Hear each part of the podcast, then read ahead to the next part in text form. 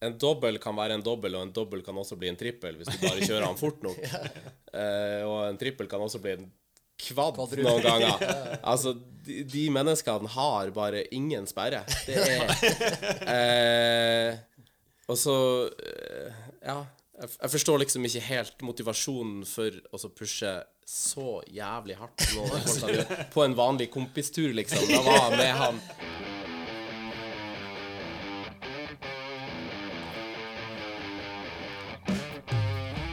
Velkommen til OTB-podden.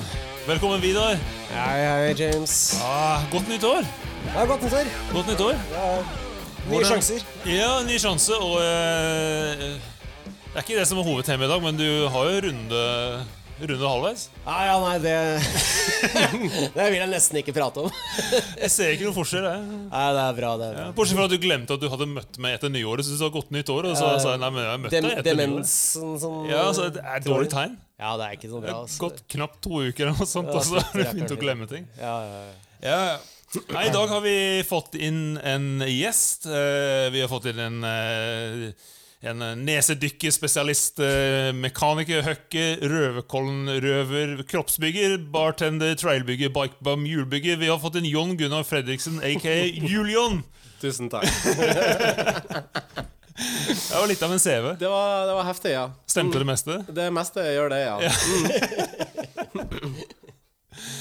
men Det var veldig kult å ha deg inn. Altså, man må spørre, hvor, hvor er du altså, Jeg vet du er fra Norge, men hvor er du fra i Norge? Jeg er klimaflyktning fra Tromsø. Fra Ja. Tromsø? Det er lenge siden. Ja, riktig. Altså, jeg, jeg, jeg kan bare beklage på forhånd, for jeg har en eh, kone som er fra Bodø. Ja. Så eh, hjemme med familie og barn så snakker jeg faktisk litt, litt nordlending med dem. ja. Og, men ellers så snakker jeg østlending med Vidar. Så, så du kommer til å switche? rett og slett? det, så hvis, hvis det kommer noen sånn antydning til sånn nordlending Det er ikke fordi jeg er liksom taking the piss. Det er ikke for å liksom. gjøre narr. Og dette er sant. eh, Jeg hører han når han tar telefonen fra kona, så er det rett over på Bodø-dialekt. Det er bare morsomt. Ja, ja. Det verste hun sier at jeg har, har bedre norsk dialekt, altså uttalelse på nordnorsk, enn eh, østlandsk. Det har eh, kjæresten min nå, som er fra Canada, begynt å få spørsmål om hun er nordlending. Ah, er det, er det sant? Yes. Ja, ja. Kult. å. Kult. Men eh, er Bodø og Tromsø Er de venner, eller er det Nei, det er ikke, det er, Nei. det er ikke noe Er ikke det, er ikke det et eller annet sånn fotballrelatert uh, Ja, det er de det napp- også. De napper noen eh, fra Tromsø. Ja. Ja. Jeg fikk det med meg. Jeg var på Tungtvann-konsert eh, forleden. Ja. Da skjønte jeg at det var litt Mm. Det har alltid vært. Det ble nevnt. Å ja, det har alltid vært Ja, det har det. Ja. I, I militæret så var jeg oppe i Hammerfest på sånn her permhelg. Altså, så var vi bare for å feste. Og så har jeg en kompisen min fra troppen, eh, vi, han, er fra Bodø. Og så av en eller annen grunn pga. hva det var spilt inne på, inne på diskoteket vi gikk ut av, så, gikk vi og sang på 'Er nordlendinger'. Og så kom det jo noen folk der som ville ha bråk fordi vi drev og sang om var nordlendinger, mente vi var fra Sør-Norge. Og han andre i ja, men Jeg er fra Bodø. Bodø er jo i Nordland, til og med. Noe Hammerfest ikke er. Men ja, nei, det ble bråk. ble faktisk igjen på trynet. Ja, men eh, det, det, jeg tenker at vi kan bare begynne med at uh, Kan ikke du fortelle litt om uh, hvem du er, og så hva, hva er din uh, sykkelbakgrunn? Altså hvor, hvordan eh, ja, nå har vi jo begynt med at jeg er fra Tromsø. Ja. Eh, jeg begynte, jeg begynte holdt på å si, min sykkelkarriere, eller jeg begynte å, å jobbe med sykler når vi hadde en sånn eh, OD-dag, eller sånn der du var jobba via ungdomsskolen. Dagsverk. Ja, eller vi hadde, vi hadde valgfag på, på ungdomsskolen der vi fikk eh, velge å, å jobbe en dag i uka litt. Grann, ja. Uh, I stedet for kunst og håndverk eller fransk eller andre ting. Uh, og da valgte jeg å jobbe på noe som het Sportshuset i Tromsø. Som var, for dem som kjenner til Oluf, broren til Oluf, som drev den sjappa. Men uh, der solgte jeg joggesko i et par måneder før jeg jeg var veldig nysgjerrig på Nede i kjelleren, nederst i kjelleren der, så var det en fyr alene uh, som bare spilte kassetter og diskomusikk og fiksa sykler. Han hadde sykkelverksted nede i kjelleren. Så jeg fikk overtalt sånn at jeg fikk være nedi der. Så jeg begynte å skru sykkel når jeg var ja, 12 eller 13 år. Mm. Bedre det enn å selge joggesko? altså. Yes, det var Altså, du begynte egentlig med å skru sykkel? eh, Ja. Ja. Mm. Kul. Og da blir du jo dratt inn i det. At da finner du ut at du kan bruke pengene dine på det. Og, Ja, ja, ja. Du kunne jo både tjene og bruke penger på sykling. ja. Mm. Men ble det terrengsykling ut av det? eller? Det ble terrengsykling. Jeg kjøpte en sånn Specialized Stump Jumper. Det var min første sykkel. Den brukte jeg tror jeg 17 000 kroner på eller noe sånt da jeg var 14 år gammel. Jeg bestilte den fra Eh, Ja. eh, Stian Sport, tror jeg de hadde den da. Det var en heftig pris den gangen. Uh, ja, det var, det var dyrt da. Ja. Du fikk nok å skru på på den? Eh, men men uh, det var Ja, det var jo ikke like heftig. Det var jo cross country-sykling en Ja. liten stund der. Det var det. Mm. Og så altså, var, du, sa, du sier du drev med cross country-sykling. Altså, var, tok det litt tid før du for, Også sånn som vi kjenner at du sånn, driver med sykling nå? Ja, det, det gjorde det, men, men Tromsø, har, eh, Tromsø hadde et sinnssykt snowboardmiljø på tidlig 2000-tallet. Jeg var aldri noe holdt på med vintersport da, det var jeg dritdårlig på. Men eh, de folkene som kjørte brett, de sykla, og de sykla utfor, eller de hadde type freeride-sykler, hardtails med 170 mm gaffel og sånt. Og da tok vi gondolen opp, fjellheisen, og så sykla vi ned igjen der da, fortest mulig. Og så bygde de samme folkene noe dirts også. Så der uh, var det folk som, som også skrudde sykkel, og folk som kjørte brett, som jeg så veldig opp til da, som heter uh, Jonas Thoresen, blant annet. Han har streaka på et World Cup-ritt i Hafjell. uh, han er en legende. Ja. uh, og flere, flere folk fra, fra Tromsø da, som kjørte brett, som, også, som sykla, da, som, som tok med oss kidsene. De var vel fem år eldre enn meg da. Ja. Eh, så det var jævlig kult å få lov til å være og, og, og sykle med de, eh, de folkene. Jeg husker at det var mye, det var mye bilder i snowboardmagasinet fra noe eh, Tromsø. Ja, Stian Tapani eh, og Roy, en som heter Roy Olsen, tror jeg. Ja. Det var, alle de folkene var egentlig en del av det, det sykkelmiljøet også på, på sommeren. da. Ja. Mm. Var det ganske hardcore miljø, holdt på å si? Eller var det sånn alt mulig nivå? Nei, dem, eh, dem var flinke, ja. Det var dem. Mm. De var vel flinkere på å kjøre brett, mange av dem, men eh, de var like gærne, da. Så de, de sykla hardt, ja. Men var det dobbel kron allerede da? eller? Ja, som jeg sier, det var mange av dem som hadde hardtails med 160 mm. Det var min neste, min neste sykkel. da Etter det der så, så kjøpte jeg en sykkel fra en uh, i Tromsø som uh, En Banshee Skirocco, en sånn hardtail. Eh, og den hadde en 160 mm bombergaffel med Halo SAS-hjul. Nice. Ja, så den, den var Den var ganske Aldri testa hardtail med sånn massiv vandring. Åssen er det, liksom Får du, får du glede av det, jeg vet ikke, det er så lenge siden jeg har prøvd nå. Jeg burde egentlig ha testa det igjen, ja. Det er sånn Vegard Skorpen-stil? Ja, ja, har ikke så mye vandring, da, men Nei. Det er sånn tidlig down country-pioner? Ja. og du, Hvis det blir en hard landing, så er det bare å kaste seg over styret. Så. Hoppe er en dempers. Det blir mye headbangers. Nei, men det var, det var liksom eh, starten på karrieren eh, der oppe. Så det var, det var veldig kult å få, få sykle med, med alle de folkene som var liksom litt eldre og, og var ganske rå på å sykle. da. Men egentlig ganske kult eh, på en måte å bygge opp en sånn skills-base på Altså å sykle grov sykkel på hardtail med mye Ja. vandring. Og liksom det, det er sånn som Aslak driver og gnoler om hele tida. Eh, man, man lærer mye og, i Ja. at du ikke har den demping bak og sånn. Ja, jeg er glad jeg gjorde det nå, i ettertid, ja. Ja. Det, Ryggen, eh, ryggen er glad du slutter med det. ja, det kan jeg. Du får spørre dem som kjører BMX, eller men.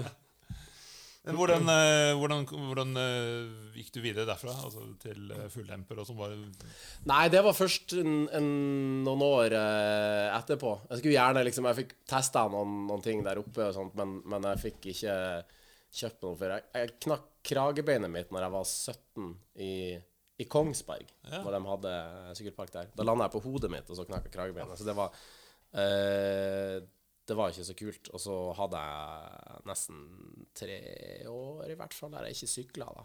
Så det var en Ja. eh, litt røff eh, skade. Ja, jeg hadde ikke så lyst uh, rett etterpå, da. Mm. ja. Eh, Så det ble litt opphold. Men det var i Kongsberg? Var det, Det var i Kongsberg, ja. Var det på tur, eller hadde du flyttet ned? Mm, nei, da hadde jeg flytta, ja. Ja, Mm. ja, riktig. Det hadde jeg.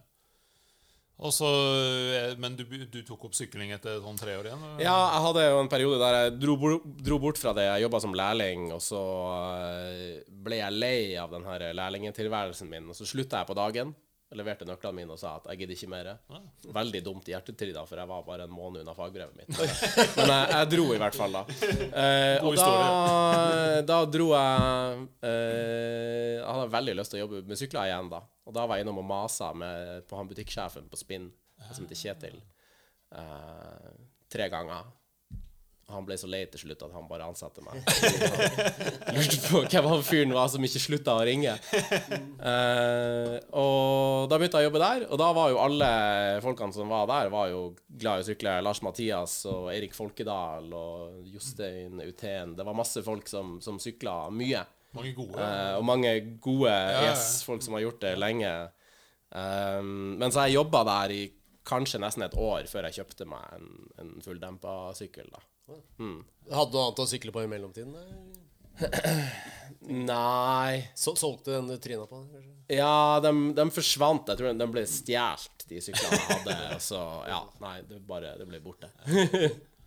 Ja, for det virker Mm. som det er altså Spinn har alltid hatt og har fortsatt et godt sykkelmiljø. Altså Det går litt sånn eh, Jeg vet ikke om imot, men altså det er sånn eh, mange som jobber på sykkelbutikk, altså opplever at de bare jobber på butikken og får alle sykle. Ja. Men eh, det virker som de ivaretar den eh, muligheten til å sykle ganske bra. Det er mye group rides og sånt. Ja, det var, det var morsomt, da. Vi hadde liksom mye fleksitid. Han var veldig ålreit, han som er butikksjef der. og ja. så, du, så lenge du ikke skader deg for mye på sykkelen. ja, Du kan jo få litt karantenetid, men ja, ja. eh, Altså en balansegang. Litt kult, men ikke så mye. Takk. Mm. men du, eh, du har hørt rykter altså du, du sluttet på spinnen etter hvert. ja. Eh, og så da gikk liksom reisen videre til utlandet, vel? Eller nei, først var du Jeg var, Vestlandet? jeg var på Vestlandet. Jeg var i Sogndal en stund. Ja, Ja, den sommeren der.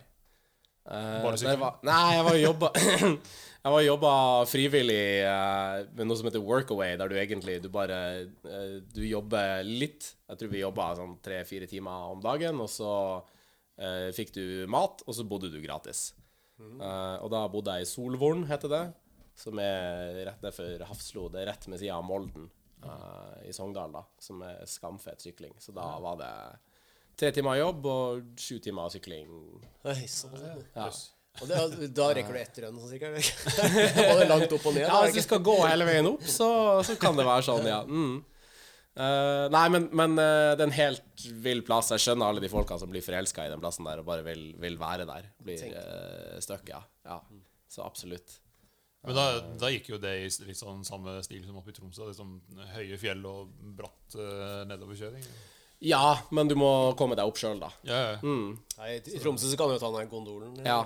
Jeg tenkte, jeg var oppe der bare for, for sightseeing for noen år siden. Mm. Tenkte jeg på her må det jo være en bra mulighet til å sykle ned igjen. Ja. Det er det, altså. ja, det var i hvert fall det. Jeg vet ikke hvordan det ser ut der nå lenger, da, men mm. Man kommer jo høyt, og det er veldig sånn bart fjell. Så. ja. Men du, var, du har også vært trailbygger? Ja. Eh, ja, jeg hadde et par sesonger i Nesbyen. Ja. Mm, med Trailhead Nesbyen der. Ja. eh, og bygd. Uh, hadde litt stund der jeg bodde på fjellet i telt og liksom Oi. Ja, ja, ja. Noen av de Det var flere av de som jobba der, som har bodd i telt ute i skogen også, fordi at uh, mange av de jobbene der, sånn som den kjempelange, den kjempelange stien de bygde, den Jeg var ikke med og gravde der, men jeg var med og kappa litt trasé der, så det er jo ofte på de prosjektene der i starten, så er det en måned med bare kapping av trasé, der du må skal selvfølgelig fjerne minst mulig trær, men det er noen trær som må vekk, da. Eh, og sånn som på den, uh, den lange stien der i Nesbyen, så hvis du skulle opp dit da, der vi var på midten, så var det jo først kjøre bil i 20 minutter fra nede i Nesbyen, og så kjøre firehjuling i et kvarter, og så kjørte du den fast halvparten av tida. Så det var Ok. eh, Det var like godt bare campe. Ja, Uh, det var bedre, det. så Da, den, eh, den sommeren der Jeg hadde jo to sesonger der, men den andre sesongen så bodde jeg en del i telt, og så bodde jeg eh, Da hadde jeg hytte i, i Ål, oppe på Kvinnegardslia, på toppen av Ål der, som jeg, jeg bodde på i helgen. ja. Så ellers så var jeg sov i telt der. Kult. Det var ganske sånn bohemian lifestyle. Ja, det er veldig, veldig deilig og lite forpliktelser, i hvert fall eh, i en, en begrensa periode, da. Det, Men men det var ganske lærerikt å bygge der borte, hvor de liksom har en plan for at skal, stien skal vare og ja, det, det er kult. eh, Det er veldig, veldig kult å få være med på. Det er det. Hva er det som er trikset for å bygge stier som liksom ikke skal ja, Nå ble de jo vaska bort. Nå, Det kjedelige er ikke lag dem for bratt. Å, ja. Alt er for bratt. Hvis det blir vaska bort, så er det fordi at vannet renner der, og da er det for bratt. Ah, okay. Sannsynligvis. Ja. Mm. Du må alltid det, det liksom, Den kjedelige biten med å bygge sti er at det hovedtingen du gjør, er at du fjerner vann. Du må få vannet bort fra stien. Det er det første du gjør. Så du har hver gang du kjører inn mot en sving, f.eks., så har du noe som heter grade reversals, der du ser at stien heller den veien, og så rett for en sving så lager du en sånn en, ofte før dosering og sånn. Og det er fordi at vannet da skal renne ut den veien, sånn at det ikke blir med rundt i doseringa. Ja, eller så bare lager du en sjakt, rett og slett. Ja. Um, så det er jo en sånn grunnprinsipp med å, å, å lage sykkelsti, da. Altså, altså, man vil helst bygge bratt. Ja, sant. Du, ja, du vil jo det, men uh, det, det funker jo dårlig. Det var jo eh, Ja, når jeg hopper litt når jeg For jeg var i New Zealand en stund, og der har de i Queenstown så har de sånne pirate trails som kommer opp. Den bikeparken har kanskje 20-30 stier, og så har den 60 pirate trails innimellom der. Ja. Og de bygges konstant, så du må kjenne dem som Det er liksom noen gærne folk som bygger dem. Og så eh, er det sånn Hei, nå har vi laga en sti her. Og så kjører alle den i to uker, og så er den bare sprengt. Det er ingenting igjen. For det er så bratt, og det er bare sånne ruts. Så det, Den forsvinner etter to uker. Er ikke det, er ikke det I USA så kaller vi det en loamer. det er Sånn, Ja, eh, det, det er det. Lagde spor gjennom uh, lyngen. Yes, Det er bare lagt opp noen stokker og så der, der det passer seg, så du kan få til å egentlig sakke farta litt. Grann, da. Ja, ja, det er jo gøy, da. Ja, det er det. det, det så, Men, vi, så vi ganske tydelig med deg, at det liksom, altså de graver frem mange av de stiene hvert år. Ja. Og så fikse og ordne, og så etter de har Transmadeira, så er den blåst ut. ja. Er det ferdig. Da er det bare sånn 140 syklister. Så. Ja. Nei, så det, det er kjedelig da det, det er veldig vanskelig å lage skikkelig bratt sti som er holdbar. Du får ikke begge deler da. Jeg skjønner du. Med mindre du bare har svar. Ja, Da går det. Jeg merka Nesbyen sa jeg sist, at eh, mellom noen av de der veldig sånn slangende stiene, så var det noen snarveier i, i bratta imellom. Ja, ja, ja. Mm. Droppe inn fra den ene. Men de må liksom være litt oppmerksom med sidene For å ja. se. Jeg tror no, noen av dem ble laga av oss, og noen av dem ble vel eh, har vel dukka opp ja. underveis, ja. organisk. ja. Ja, altså det er Beaster, den begynner å bli ganske blåst ut nå. Eh, Ja, Den har jeg faktisk ikke prøvd. Jeg har ikke prøvd den, jeg. Nei.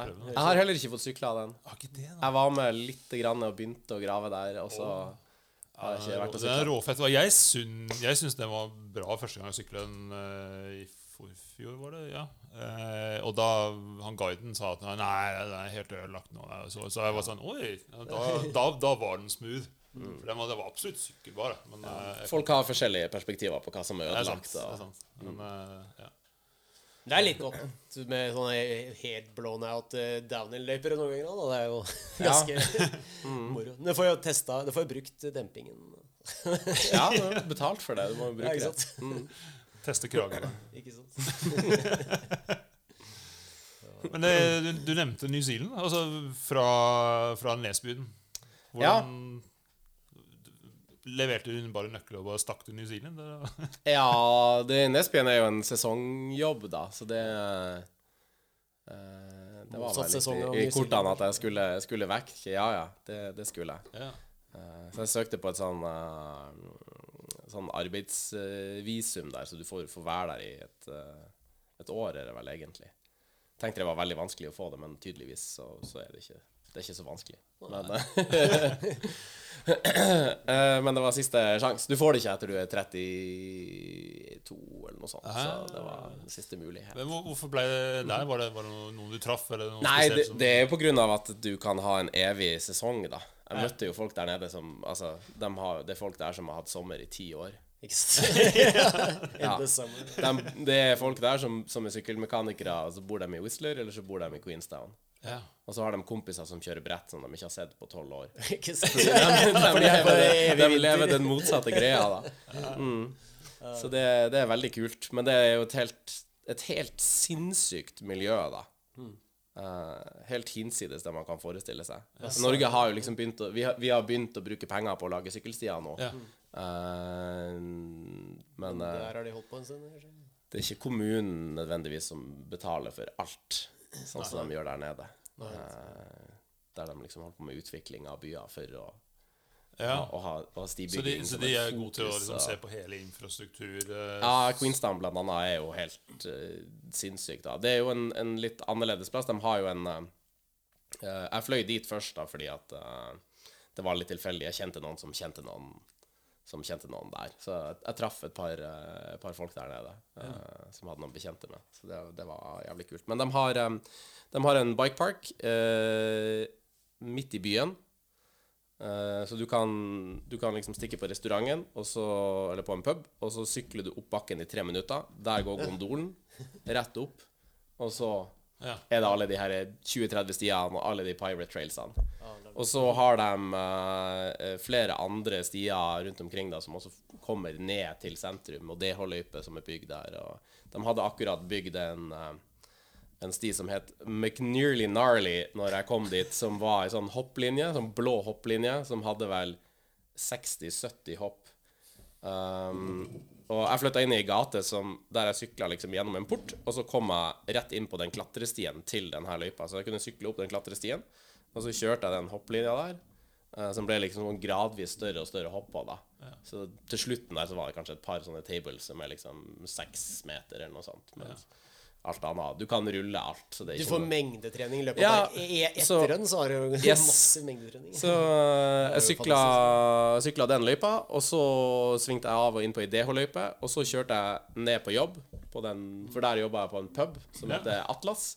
Ja. Og Atlas er også en sånn Uh, sykkelpub der de, de har uteparkering der alle de folka som er i bikeparken, de drar dit etterpå. Så det er ikke uvanlig at det står 40 fulldempere i det stativet på utsida. Uh, McGassa sin sykkel henger i taket der inne. Wow. Um, og de har en kjempe-fundraiser hvert eneste år for, uh, for sykkelklubben der også. Um, så der uh, jobber jeg av og til sånne split shift. Da kommer jeg på jobb på morgenen. Så da kunne jeg noen ganger Så stakk jeg til bikeparken først. Sykla et par runs, dro på jobb. Og så dro jeg tilbake i bikeparken, og så dro jeg tilbake på jobb igjen. da. Så hadde jeg to timer fri, så kunne jeg kjøre et par laps. Så det var flere folk som kom innom den puben, og så var de sånn Men faen, jeg har akkurat sett deg. Bare, ja, vi har sykla sammen for en halvtime siden, og nå står jeg her nede.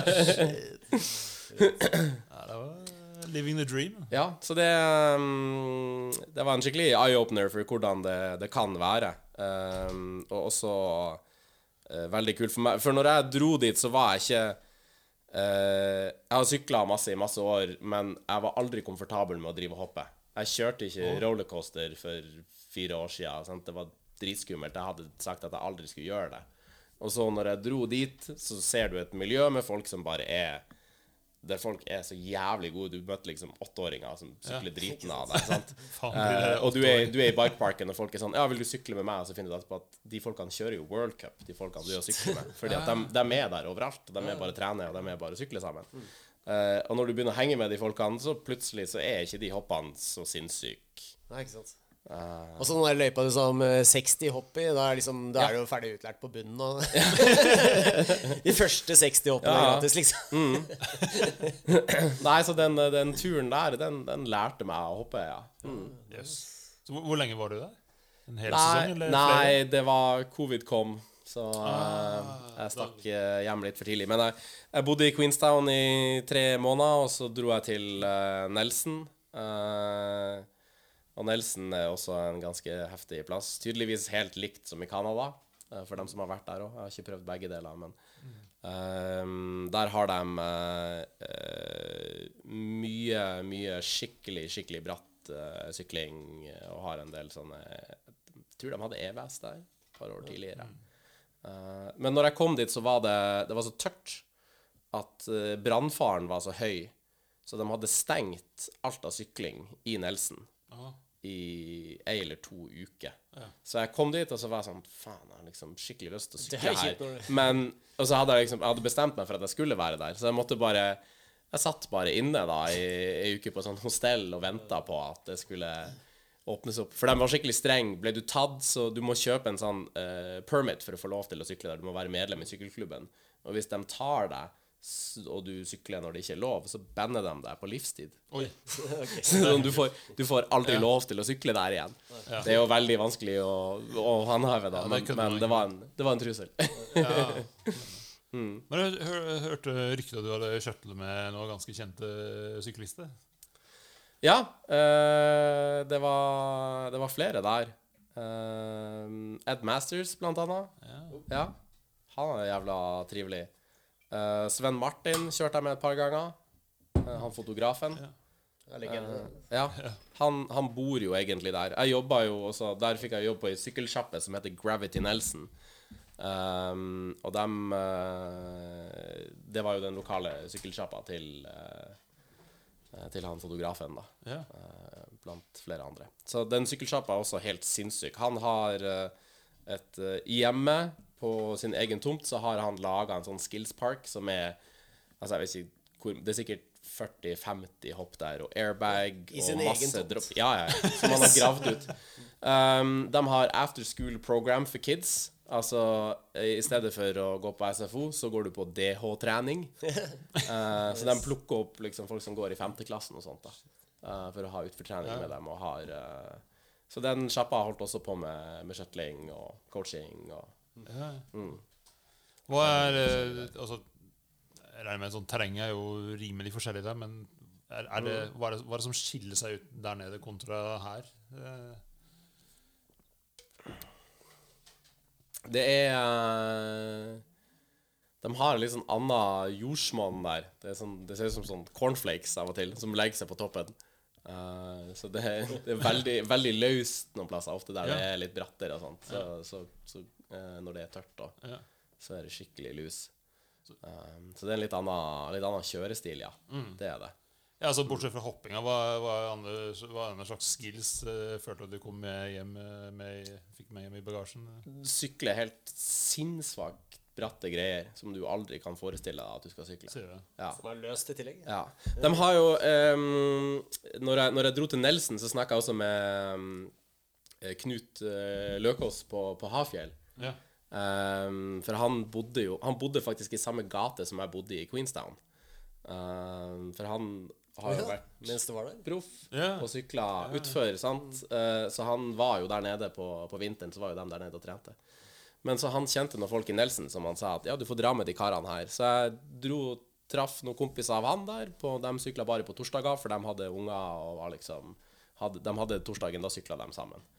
Um, men alle de folkene her var jo også stein gal. Så når jeg kom tilbake på sykkelbutikken, så spurte de hvem du har vært og sykla med, og de bare Faen, har du vært med de folkene der? For de hadde den ene dagen, og da sykla de 2000 høydemeter. Ja. Og der igjen tenkte jo de at jeg var sikkert like flink som Knut også. Det, det var jeg jo ikke, men det var jo bare å bli med. Ikke sant? Uh, Så lenge du overlever, så blir det bedre. ja, ja. Men er du sånn type som mentalt takle sånt ganske greit? Du tenker sånn, det får bare gå bli som det blir, liksom? Eller, blir, du litt- blir du litt satt ut? Eller? Nei, jeg har jo ikke lyst til å kveste meg. Jeg har ikke, det, det, er ikke, det er absolutt ikke noe mål. Det, det har jeg vel uh, gått litt bort fra. Forhåpentligvis ferdig med det. Uh, så, så jeg kan, kan absolutt melde avbud, men, men det blir sånn sant? Du er bare Du er havner i det miljøet der Ja. de tingene blir normalisert. Ja. Uh, så så det, det blir Den bakken blir mindre bratt når du er med de folkene. Ja, så, så tenker jeg jo liksom Hvis du bare greier å venne deg på noe, så, det er jo bare sykling. Ja. Med mindre det er sånn derre rampage-aktige ting, da. Liksom. Ja. Men eh, sånn ofte Ofte hvis det er liksom en gjeng med folk har sykler gjennom det, ikke det bare er sånn single stunt, så Ja. lar det seg stort sett gjøre. Men eh, Men hva er eh, Har du noen gode tips eller noen ting som du har lært underveis for å sykle bratt? Er det noe Er det noe sånn Nei, det, det viktigste på de Det er jo noen sånne plasser der de har som er kjempelange partier der du, du, du kan ikke stoppe. Eh, og du kan ikke stoppe i type to minutter. pass, ja, det det, det, det føles i hvert fall som to minutter. Eh, men det, det handler jo om bremsekontroll, ja. Mye. Altså at du, du låser du hjulene dine, så går det jo galt. Så du må, du må holde det i gang, men du skal prøve å holde det så lite i gang som overhodet mulig, da. Eh, for, for å ikke miste, miste kontrollen der. Da, da lærer du i hvert fall å stå i det. Ja. Ja. Men det er, det er ikke noe lignende i Norge, som du vet om. da så, Selv Nesbyen så er det jo bare innmari bratt, men så plutselig så er det jo flatt igjen. ja, nei, det er ingenting i Nesbyen som er sammenlignbart med det der. der. Vi har, uh, har et par her oppe. Oh. Grefsen. Ja. Ah, ja. Mm. Ja, Men dem varer, de varer i fem sekunder. Ja, der Ja, var det sånn, ja. Det, det jeg tenkte egentlig mer. Ja, ja, ikke sant? Ja. Ja, ja. Ja. De, de tre-fire som gruer meg til hvert år. Det der, eh, måtte holde ut i mm, to minutter, eller om det føles som to minutter bare, da, så er det uansett eh, Det er jo en litt annen deal. Ja, det blir fort to minutter i hodet. ja, ja. Mm. Men var det noen ting du fikk sett, eller noen andre syklister som du, liksom, når du fikk sett de sykler, og du tenkte sånn Holy fuck, det er bare next level, liksom. Eh, jeg så no, når vi var på den turen med, med Ed Masters, vi var skjøtla eh, For da Altså En dobbel kan være en dobbel, og en dobbel kan også bli en trippel hvis du bare kjører han fort nok. Uh, og en trippel kan også bli en kvadd noen ganger. Altså, de, de menneskene har bare ingen sperre. Det er uh, Og så uh, Ja. Jeg, jeg forstår liksom ikke helt motivasjonen for å pushe så jævlig hardt gjort, på en vanlig kompistur, liksom. Da var, med han, da var han Sven Martin, fotografen der, og liksom Ed Masters og et par andre folk som også kjører, kjører mye EVS, da. ja. uh, og så greide jeg liksom å holde følge med dem en liten stund. Og hadde kjørt den ene dobbelen der, og så tenkte jeg OK, nå må jeg bare Nå har jeg farta, så jeg får bare prøve.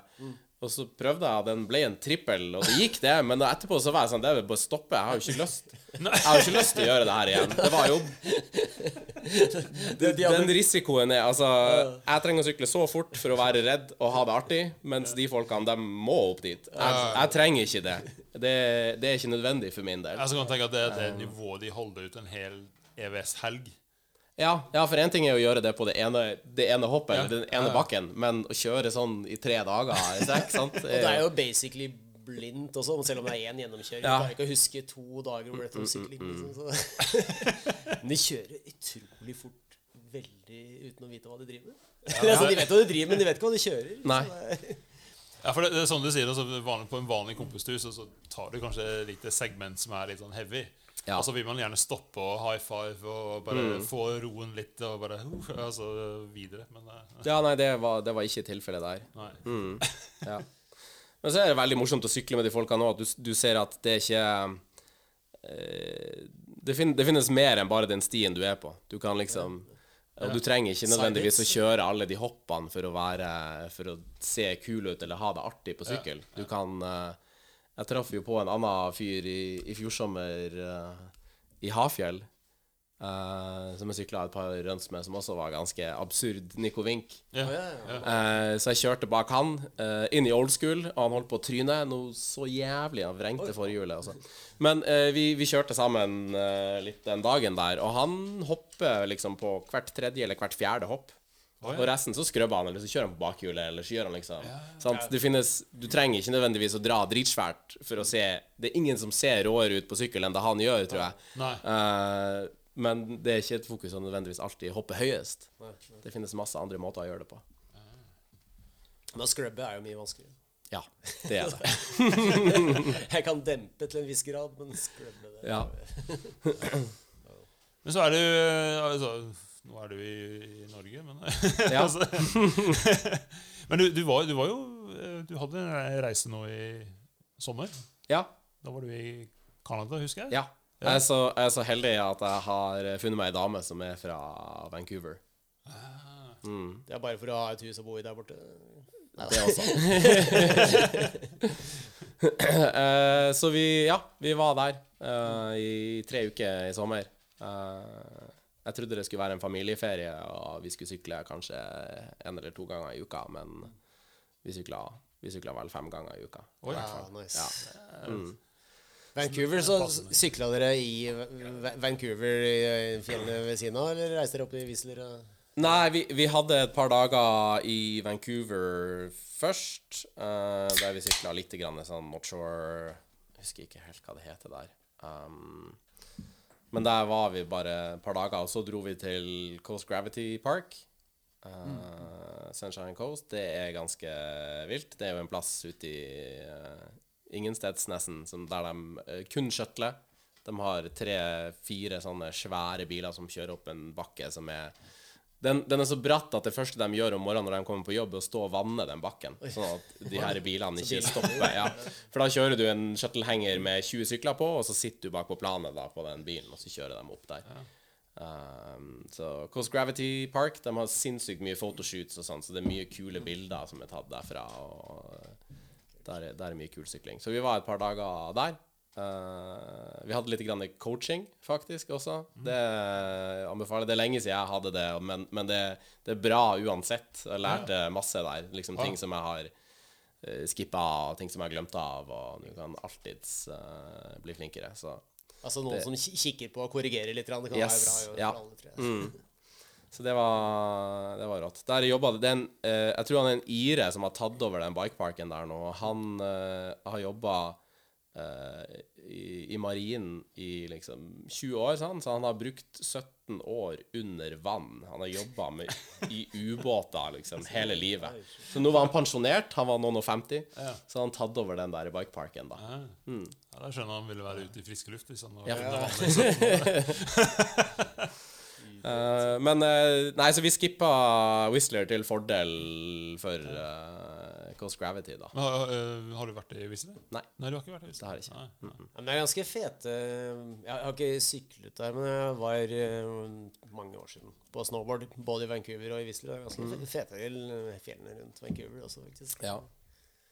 Flere, flere lokasjoner rundt omkring der også. Mm. Det er jo fjell på alle kanter. Liksom. Det er sånn Bergen-aktig. Kanskje. Nei, ikke helt det, men det er litt Sammenlignet. Nei. det er liksom ja. Nei, men det er jo Canada er jo Vestlandet på steroider, rett og slett. Det er jo bare Det, det er jo litt som Norge, bare helt sinnssykt. Ja, ja. Men hva er, eh, altså, hva er det som mangler her for å få til samme opplegg som de har der borte? Eller er det ikke nok sykkelfolk her i Norge til å Det første vi mangler, er at alle de jævlene som sykler her i Norge, må begynne å samle seg og enes om hva vi holder på med. ja. Eh, fordi at i Norge så har vi Hvis vi vil ha midler til å bygge en sykkelsti, så trenger kommunen å vite hvor mange folk som sykler. Ja. Hvor mange folk som sykler sti i Norge, det er ingen som vet, fordi at alle gjør det alene. Ingen er organisert. Um, så det, det handler om å bli med i sykkelklubben, mm. først og fremst. ja. Uh, eller bli med i NOTS, ja, eller bli med en eller annen vite plass. litt lokalt også. Ellers kan man telt, telt besøkende i Trysil, eksempel. Hadde jo Mm. bare gitt et ganske bra antall der. Ja. Mm. Uh, men man må finne ut hva de vil. Altså I uh, Nelson og i Queenstown så har de svære sykkelklubber som alle som er der, er medlem av de sykkelklubbene. Hvis du kommer på besøk, så kjøper du en sånn guest pass der du betaler. Fordi at de fleste sykkelstiene, de som ikke er nødvendigvis i bikeparken, da, er bygd av den sykkelklubben. Den lokale sykkelklubben har søkt midler og fått midler, og bruker også de pengene som de får fra medlemmer. Eh, Så der er det, det er liksom helt normalt da du, Hvis du drar til en ny plass, så betaler du 10 dollar, eller du blir medlem da i sykkelklubben. Ja, Um, så Det, det er jo litt sånn fremmed for oss at du skal dra et eller annet sted og så betale en lokal klubb for å sykle der. Ja. Mm. Men da har du noen folk som lager fete hopp og lager fete linjer. Og Ja. liksom står og, og gjør ting for deg. da Fordi Ja. at alle har lyst på kule stier, men det er ingen som har lyst til å Stå bruke så veldig mye tid på Ja, kanskje folk har lyst så til å er det Og så er det noen som har lyst til å bare bygge også. og da er det Ja. fint å gi de, de mulighetene. Mm. Men de krever, altså, du vet jo, det krever jo enormt med vedlikehold. Så Ja, det er jo helt avhengig av denne dugnadsånden, holdt på å si. Mm. Det er det. De er avhengig av penger. Altså Dugnad til en viss grad, ja, du kan bygge masse på dugnad, men, men skal du lage sykkelløyper som holder, og som folk vil sykle, så det koster penger. Og det er anleggsarbeid, og det er ikke billig. Nei. Ja, det har vi sett. De, ser de summene de bruker på oppe i Nesbyen på ting. Og, Ja. og så kommer jo regnvær og skyller bort alt. Og. Mm. det er kjipt. Også, men eh, det, også lokalsykkelmiljøet her, det, den er jo ganske Ganske sentral på mange måter. Altså, for det første har jo verkstedet. Mm. Og så er du Du er jo mye oppe i Røverkollen, vet jeg. Ja. Så, men eh, først altså, sykkelverkstedet. Hvordan eh, altså, Du har jo tydeligvis Eller du har bakgrunn som sykkelmekaniker. Men eh, har det alltid vært en sånn drøm av det å starte verksted? Eller var det bare følte at det var riktig? Jeg har, eh, jeg har alltid hatt lyst på mitt eget verksted. Hvis alle som har skrudd litt, sant, er jo glad i verktøy. Eh, Det, det er man. Selv vi Eh, amatører. er. Ja, ja, sant. Så det er viktig. Men nei, jeg har, jeg har lenge hatt Det har liksom vært en sånn Det har ikke vært et livsmål å ha sykkelverksted, men det har, vært en, det har vært en drøm. Jeg har alltid hatt lyst til å ha min egen plass. Og så ble det enda tydeligere for meg når jeg, når jeg slutta på spinn og slutta å ikke jobbe i sykkelbutikker lenger. Så eh, når jeg jobba på spinn, så sykla jeg alltid til spinn, og så dro jeg på sykkeltur etter jeg hadde vært på spinn. Sant? Da dro vi og sykla sti. Og var det noe galt med sykkelen min, så fiksa jeg det når jeg var på spinn. Eller etter jobb. Det tar ti minutter, du har alt verktøyet. Den butikken er helt sinnssyk. De har så mye deler der inne. Sant? Så du, du er aldri i manko på noe. Mens når jeg slutta på spinn, når jeg dro til New Zealand og plutselig måtte betale fullpris for å fikse sykkelen min og kjøpe noen deler til den, og så skjønte jeg at oi, hei, nå det her, det her koster jo penger. Det, det er ganske mye dyrere enn det jeg har vært vant til de siste årene. Um, så først og fremst så ble det sykkelverkstedet en plass der jeg skulle skru på mine egne ting. Det var det viktigste. Så du, du åpnet så du skulle liksom finansiere Sykkelverkstedet finansierer sykkelverkstedet? Yes. Mm. Ja, for det, jeg var innom en gang eh, ikke så veldig lenge etter, du- etter at du starta. Der var det liksom som forventa. Sånn, du var inne i det lille rommet og, Ja. og sånt. Og, ja, ja, kult. Og, men så var jeg innom igjen ikke så veldig lenge etter. Da hadde jeg fått ganske fet verktøykasse og liksom ja. begynt å bygge opp med hylle. Så jeg sånn Oi, det er serious shit der. Ja, det har jeg ikke posta noen av eller noe sånt, og det har vært litt sånn hemmelig. Men uh, det, var jo, det var jo tanken der helt fra starten av. Altså, jeg har ikke tatt ut noe lønn på det sykkelverkstedet. Jeg fiksa en god del sykler i år, over 400 sykler. Men eh, alle pengene er putta inn i verktøy og benk og ja, ting som jeg hadde lyst på. da Nice. eh, Rett og slett for å ha en bra plass å drive og, og skru på. Um, så får vi se litt hvordan det går der etter hvert. da Det er jo um, Jeg har prøvd å få litt mer plass. Det er jo ikke, det er jo ikke store plassen der inne Nei. for å ha noe lagring. eller Det er kaldt på altså. vinteren, skjønte jeg. Ja, det er litt kaldt der nå, men det er digg på sommeren, da. Ja. Da er det perfekt der inne. Ja, ja, ja. Jeg kan bare si, Vi, vi, vi, tenker, vi prøvde å få til podkast sammen før jul. Ja. Og da tenk, For jeg syns det ser litt kult ut inni der. Og så husker du hadde en sofa der inne, og sånn Og så tenkte jeg vi kan sitte her inne og ha podkast. Og så var det sånn eh, Nei, nå må jeg sette varmen på liksom to-tre timer før vi skal være her, og da er det fortsatt kaldt. Det, Ja. Å ja. eh, gjorde vi gjøre det en annen gang. ja. Nei, det er noe- det noen korte økter der inne nå for tida. Ja. Det er det. Mm. Men er, det, er, det er ikke fulltidsjobben din, det? det, er litt, det da har du noe å gjøre på kveldstid. Hva er det du jobber Ja. med til vanlig? Uh, jeg kjører gravemaskin. Ja, det er det som er eh, Mm. Så det var jo mye det du gjorde i Nesbyen, sikkert? da Ja, jeg fikk begynt der. Det gjorde jeg. Mm. Så nå er Er det det, er det like gøy å kjøre gravemaskin som det ser ut?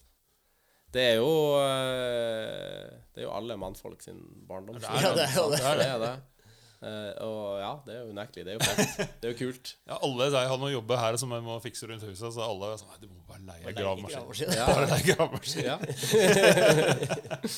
det, som, det som er greia, da, er jo det at hvis du kjører en sånn liten gravemaskin som du skulle leid til å fikse i hagen, det er jo dem som er skumle å kjøre. Å, Hvis du tipper en gravemaskin, så er det en sånn en. Kjører du en stor 20-30-40 tonns maskin, så er den så å si klin umulig å tippe. Mens en totonner eh, Det er lenge siden jeg kjørte den nå for et par måneder siden. Det var første gangen på et års tid. Og da det var første gangen på et par år at jeg holdt på å tippe med en gravemaskin. Og ikke faen. Sånn. Ja. Du skal ikke ha store stein i skuffa for at det... Men kan du, kan du gjøre eh, kunster på gravemaskin, Sånn som eh, folk sleper seg opp en bakke med disse her gravehendlene og Jeg har sett mye rart på TV. Beveger seg rundt som om, eh, som om har en Ah. ekstra arm å dra seg opp med. det, er ikke, det er ikke så mye uh, triksing. Det kan være du tenker på uh, noe som heter Menzimuk, som er jævlig Jeg har ingen aning hva det heter. Nei, men det er sett kult. noe sprø greier. Mm. Jeg har bare sett nå de klarer å få maskinen opp på en sånn ganske høy sånn, lasteplan, eller sånn tippelastebil. Ja, altså, det med- gjør man. Ja. Mm. Det er ikke helt uh, Vel, ikke helt etter boka alltid. Oh, ja. mm. Forhåpentligvis har vi maskintransporter, så du kan kjøre rett oppå. Trenger ikke å være Det er ikke, det er ikke to meter høyt plan. Nei, det går dårlig med ryggen hvis du ramler ned derfra.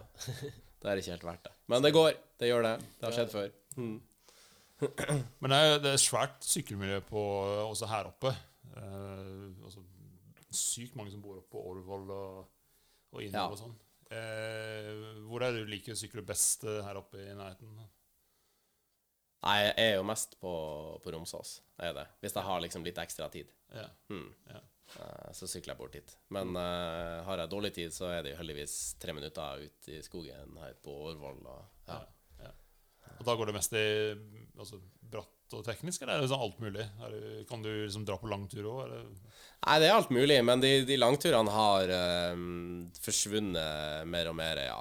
Det, liksom Samtidig som jeg begynte å kjøre mer park, så forsvant de langturene også. Da ble det mer eh, liksom shuttle-basert, eller ikke shuttle-basert, men at du, du kjører opp for å kjøre ned, da. Ja, ja, ja. I stedet for å kjøre de, de lange, lange turene. Men uh, det, uh, man savner jo det litt òg. Vi hadde jo, uh, hadde jo et sånn idiotprosjekt med, med Skjemek, en kompis av meg og et par andre, der vi hadde Passo del Nordmarka. Altså vi skulle sykle gjennom hele Nordmarka bare på sti. ja. Ja, ikke noe grus. Hele Nordmarka? Altså sånn som opp Ja, til vi Gjøvik, tok, liksom? vi, tok, uh, vi tok toget til Grua, Ja. eh, som jo er helt på andre sida. Så skulle vi sykle hjem igjen. Så vi har prøvd to eller tre ganger. Ikke fått det helt til. Nei. Nei. Det blir jo flere dagers tur, eller? Ja, det har vært med overnatting, ja. Ja. Ja. Mm. Ja, jeg sykler Oslo rundt på sti en gang.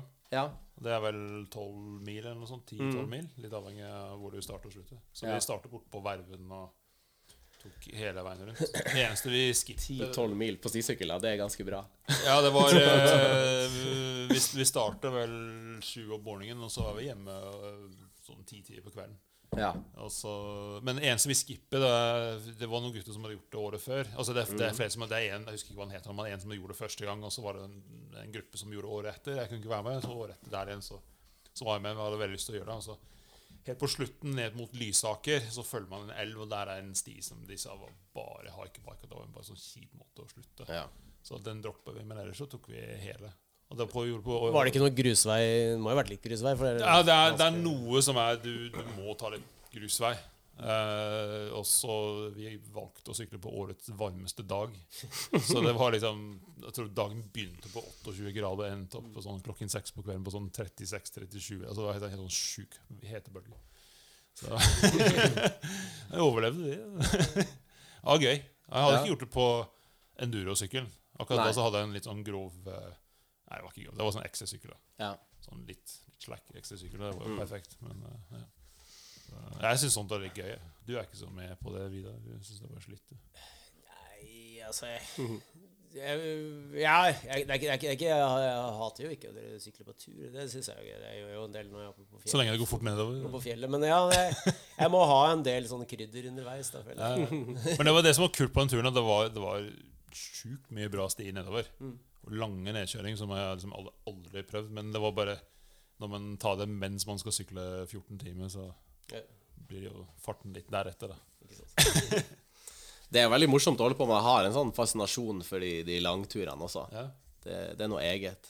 ja jeg, jeg, jeg digger det. Altså, sykle ultra. Men jeg, jeg kunne tenkt meg sånn altså, jeg, fikk veldig smak på sånn flerdagersritt Ja. eh, når jeg var i Madeira nå. Jeg Mm.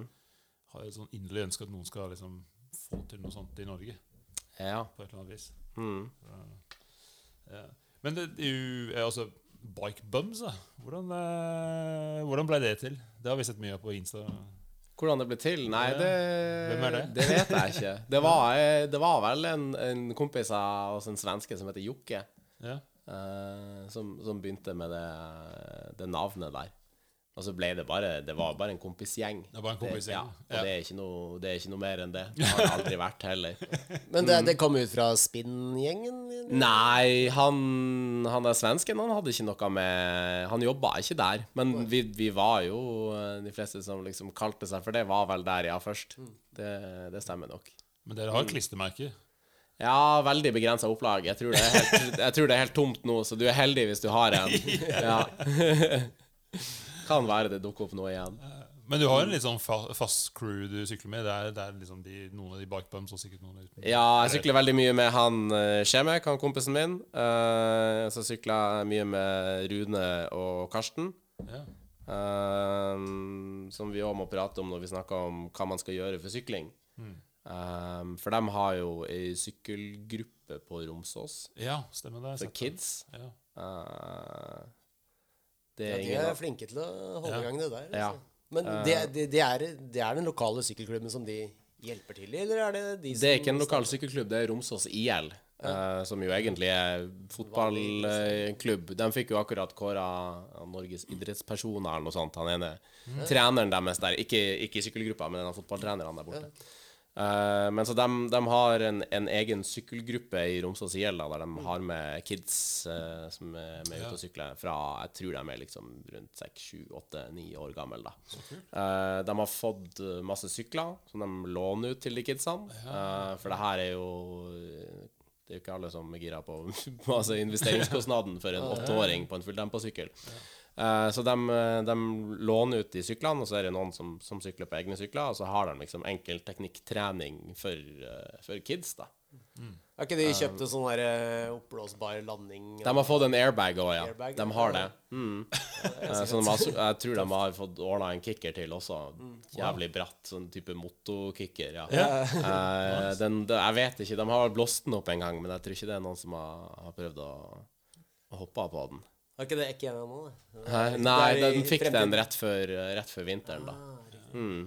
Er den så stor at du kan lande på den og tryne og ikke havne utafor? Ja, Ja, jeg jeg tror, jeg tror at hvis du tryner da, så sklir du liksom bare av. Jeg tror ikke du ja.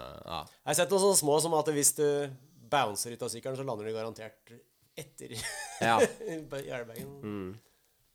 Jeg skjønner med meg på sånn snowboard på airbag. Første og siste gang jeg prøvde airbag.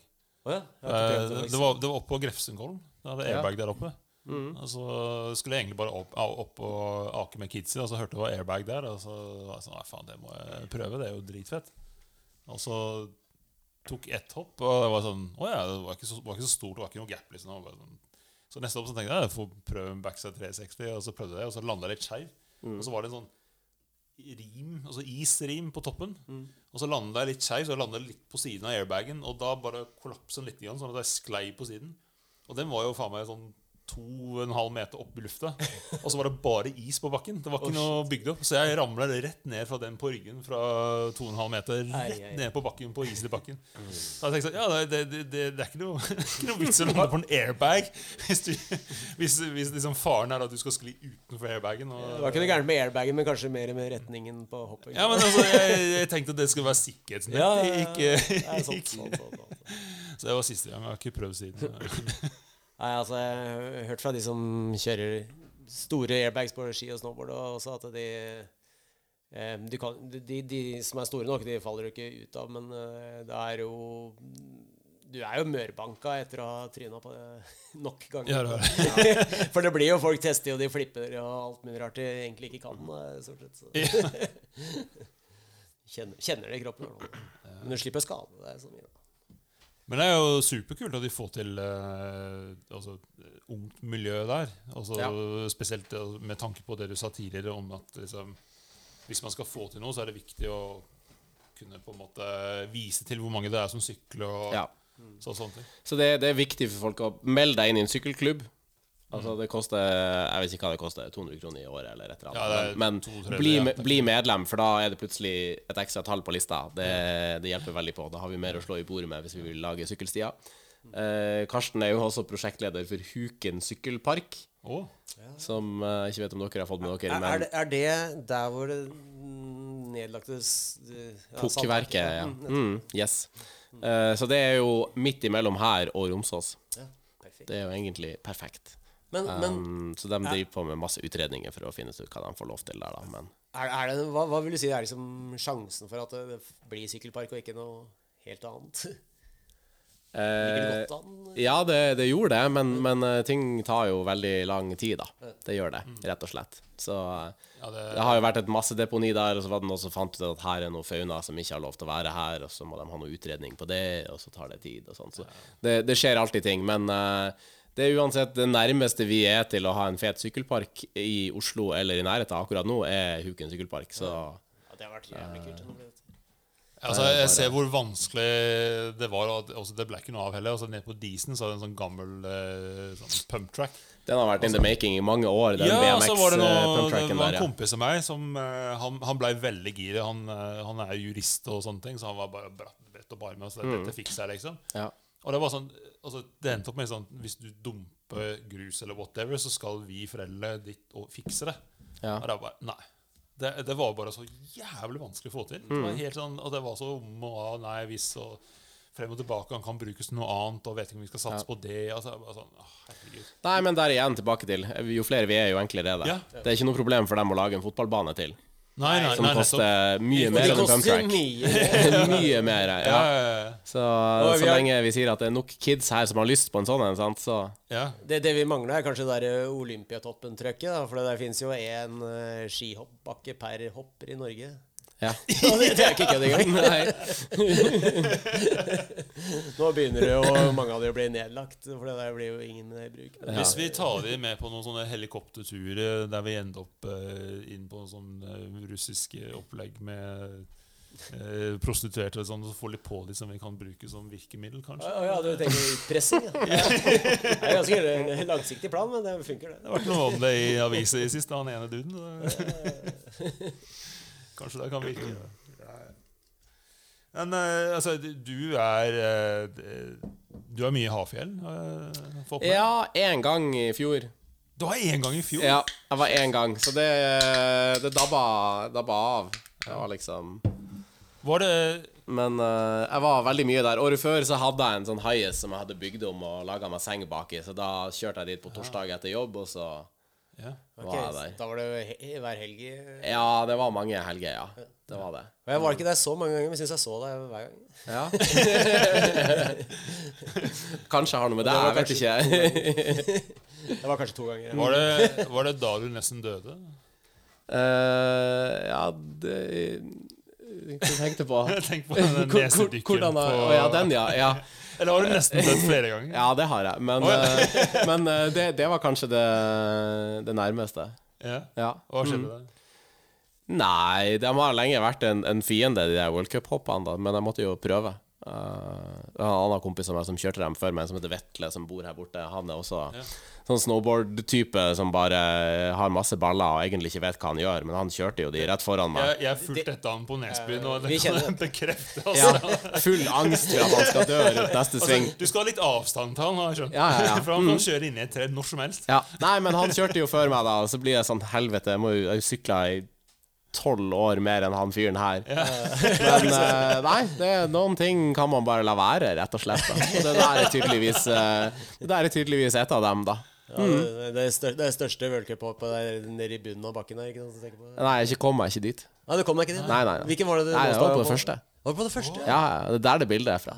Ja. Har, har du tatt det første? Ja, jeg, jeg gjorde det. Ja, jeg, jeg, jeg gjorde det nå si- sist, Det var det siste rønnet ned for denne sesongen. Oh, Mm. Eller nest siste rønn. Ja, nei, men, ja, det burde, burde jo vært det, men det var, heis, heisen hadde stengt, så da kunne ikke oh, ja, så det meg. var faktisk siste rønn? Det var siste rønn. Wow. Men jeg, jeg kom på det. Oi, den har jeg ikke tatt. Nå er det liksom Det Det, det blir ikke noe mer i år. Ja. Livsfarlig. å har sett den på siste run. Ja, egentlig, men ak akkurat den eh, jeg, var, jeg, var, jeg ble, hadde plutselig blitt så veldig stødig på hoppen, så jeg følte at jeg kunne ta det. Men jeg tok ikke den derre I bunnen av rekka der, så er det en enda større en. Ja. Den tenkte jeg, Den da, den, den, får jeg, at, den får jeg eh, ta med i åpningstiden, i hvert fall. ja, du tenker på den, Det var den som gjorde at Rakneberg eh, gikk fra 2,10 til 2 meter høy? Han mista en del høyde. Han, Han eh, fortalte historien som at han fylte etter en annen en for å få riktig fart. Ja. Men han kjørte så jævlig fort at det, så fort kan det ikke være nødvendig å kjøre. altså, bremsa han ned litt, og det var eh, ikke Jo, du må kjøre så fort. Jo, du må faktisk. Men den første er jo et gap, da, så den gir jo litt sånn, sånn ærefrykt. Den, og Ja. Jeg venta lenge før jeg tok den. Jeg følte meg bare så komfortabel akkurat eh, denne høstferien. Det er bra. Men jeg, jeg, jeg, har, eh, jeg har sett et bilde der fra Nøstedhallen på en sånn dirtbike med en sånn liten tuck no-hander. Ja. Som så litt ut som det var egentlig sånn eh, Du vet noe sånn når politiet sier sånn eh, 'Hands up, motherfucker'. Og så Yes. det bare løfter, Har du Ja. kommet lenger enn det? Har du fått utstrakt arm på den tuck no-handeren? Eh, det har kommet lengre, det har det. Men eh, det er lenge siden sist, ja.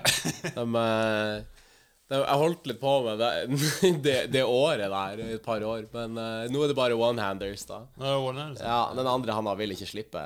Nei. Sitter fast. Det er tryggere. Jeg ser han uh, Styggtann uh, Han Hva heter han? Han driver og trener på det Ja. akkurat nå. Ja, ja, han Richard. Ja, Richard heter han. Ja. Takk, takk. Mm. Han uh, tror ikke det er lenge før han setter den. Jeg tror han har satt en sånn, en sånn mini en. Nei, vi, vi venter på det, Richard. Det, Ja. Ja, jeg kommer med det. Han trener masse. altså. Ja, han er ute og sykler mye. Han er sykler mye. Ja, Ja. Han er bra. det er tøft. Han er en av de folkene som liksom smitter med det her med, med sykkelglede, da. Ja, det er mye Ja. entusiasme å spore. Ja. Altså. Det er litt gøy. Det, det er rått. Det er like det. Jeg føler at jeg har sånn fulgt med utviklingen hans litt på side, for jeg, sidelinjen, for jeg har jo sett ham veldig mye. Jeg har jeg hilst på ham. Jeg burde hilst på ham, er litt dårlig men eh, jeg har sett han mye fra sidelinje og fra heisen og sånn i Drammen og sånn. Og eh, det er imponerende. Han er villig til å tryne. Ja, det Ja. Ja, det er liksom er noen som takler det bedre enn andre. det er Mhm. klart. Ja, det, det er det. Jeg vet ikke. Jeg, jeg, jeg, er tanken om å tryne for meg som er verst, tror jeg. Altså, som regel, Selve trynet er også ganske. Ja, men selve tryning går jo da er det, går så, det er så fort gjort. Så stort sett så er det sånn. Ja. Men. Nei, men det, altså, og, og det er veldig deilig å få en gjest inn her som kan manuals. Jo, takk. Tusen takk. Jeg tror jeg kan dem helt til jeg har syklet med Vegard Skorpen eller Kristoffer Kondrup. Ja, Og så tenker jeg at faen, jeg kan ikke kjøre på bakhjulet. de, De, de to turene jeg har med dem i året, der er liksom Jeg sier jeg har et ambivalent forhold til å sykle med dem. Ja, ikke sant? Jeg er glad i dem, de er jævlig rå å sykle, men jeg vet ikke om jeg liker å sykle med dem. Mister litt uh, selvfølelse. Nei, jeg hadde en greie med det der, der for når jeg, når jeg jobba på Spinn et av de siste årene, der jeg var sånn her Nå er jeg faen liksom 26 eller noe sånt. Nå er det på tide at jeg lærer meg å kjøre på bakhjulet. Og da er det bare å prøve å kjøre på bakhjulet hver eneste gang du triller nedover en slak bakke. Sant? Det er ingen, er annen, det ingen annen unnskyldning. Det er bare å ta seg sammen. Ja, det er egentlig det som er oppskriften. Ja, det, er det. det er en, en arbeidsseier mer enn sånn derre Det er ikke så mye Det er jo sikkert litt medfødt talent òg, men selv, selv de som er talentfulle, har brukt mye timer på bakhjul. Ja. Men det er et, det er et clou med at du kan, du kan stole på bakbremsa di. Sant? Hvis du kjører på bakhjulet og du drar for langt, så kan du bare bremse, og så detter du ned igjen. Så du kan begynne å liksom Når jeg kjører på bakhjulet og sykler fort på bakhjulet ned en bakke, så slurer jeg alltid på bremsen. Mens sånn som Kristoffer Kondrup er en fyr som har sykla BMX brakeless, sant? Ja. I masse år. Han er vant til å sykle en, en sykkel med 20 tommers hjul uten bremse. Og han sykler den på bakhjulet. Ja. Og det, det skjønner jeg ikke hvordan de får til. Det, for det, det- er en helt annen greie. Jeg sykla jo BMX også, med dårlig, selv når du har bremser, så er de så innmari dårlige. Og de kan ikke Ja, de funker noen ikke. måte stole på. Nei. så jeg var nervøs for det. Jeg lærte meg manual så langt som måtte, liksom for å ta flaten på toppen av et hopp, et hopp du ikke har lyst til å hoppe. da Ja, Du kan ja, manual over det. eller Ja, ja, Ja. Men ikke noe særlig lenger enn det. Ja, jeg jeg var akkurat samme. Og så vet jeg altså De chainstays på de BMX-ene er jo også sjukt korte, så når du får sånn sånn flip-out eller hva det heter, så Ja, da, da, går det, ja, da, da går det så fort at uh, du er Det- der på ryggen uh, med hodet i bakken. liksom Ja. Og det tror jeg sitter, for det, det jeg er mest redd for, er å i fart gå jo out the back door og så bare skrelle av all huden på ryggen. liksom ja. Men med de syklene og den bremsen som du har nå, så er ikke det noe problem. Ja. Det, Men jeg satt som mål i år. 50 meter eh, manual Stemmer med to, to eh, jokkebevegelser, var det ikke det? Ja, ja, ja. Vi fant ut at er det det maks to jokk? Nei, altså, Nei, vi fant ut det, det, det, det, det er ikke manual hvis du bare sitter og coaster. Du må, du må vise at du har kontroll ved å kunne Du kan ha flaks. Måte. okay, At du bare Ja, i hvert så, sånn jeg. Noen ganger, så, noen ganger kan jeg sitte ganske stille og bare ha en manual. Mm. Og, og det, det føler jeg bare dumb luck, egentlig. Ok, Nei, jeg føler det teller. jeg. Kjører du på bakhjulet, så kjører du på bakhjulet. Det er ikke noe ja, ja, men jeg bare 20 forsøk, og så plutselig kommer det en sånn der 50 meter uten videre. Men de gangene jeg liksom jukker litt for å Ja. må redde den inn. Og den faller litt bakover, og så trekker jeg meg forover. Og den går andre veien, så trekker jeg meg bakover igjen. Det er, det, ja, da føler jeg at jeg er manual. Ja. Da, kan det liksom, da kunne det vært på sti. Jeg klarer ikke på sti, jeg klarer bare på asfalt. Ikke sant? Nei, det er kult når du begynner å få det til å gjøre det på sti. Det, det føles Ja, det ganske liksom. fett ut, ja. Det er litt Nico Wink. ja. Ja, er eller du ser sånn så, jeg så en video med Bernard Kerr. Det var sånn, det var sånn, han sykla så jævlig fort, og så gjennom sånne smale tunneler som gikk under andre stier. og sånn. Ja. Og så, det, det ser ut som det går så fort, og tenker sånn, faen, dette går ikke an. Og så drar han opp på bakhjulet. ja. What the fuck? Ja, men jeg husker Wink ikke han landa ikke annet enn manual på en av de svære Darkface-toppene, og så manual han helt neste step up. ja. Helt sikkert. Vi svinger i berms og alt sammen. Nei, nei, nei. Det er alltid, det er alltid et, um, et hakk eh, flinkere man kunne vært. Men er det kriblete i, altså, si, i, i, i, i fingeren eller i sykkelbeinet å dra til utlandet hele tiden? Eller er, er Norge liksom Nei, du kan, du kan ikke gjøre det hele tida, for da blir det ikke noe spesielt lenger. Da er det ikke noe vits.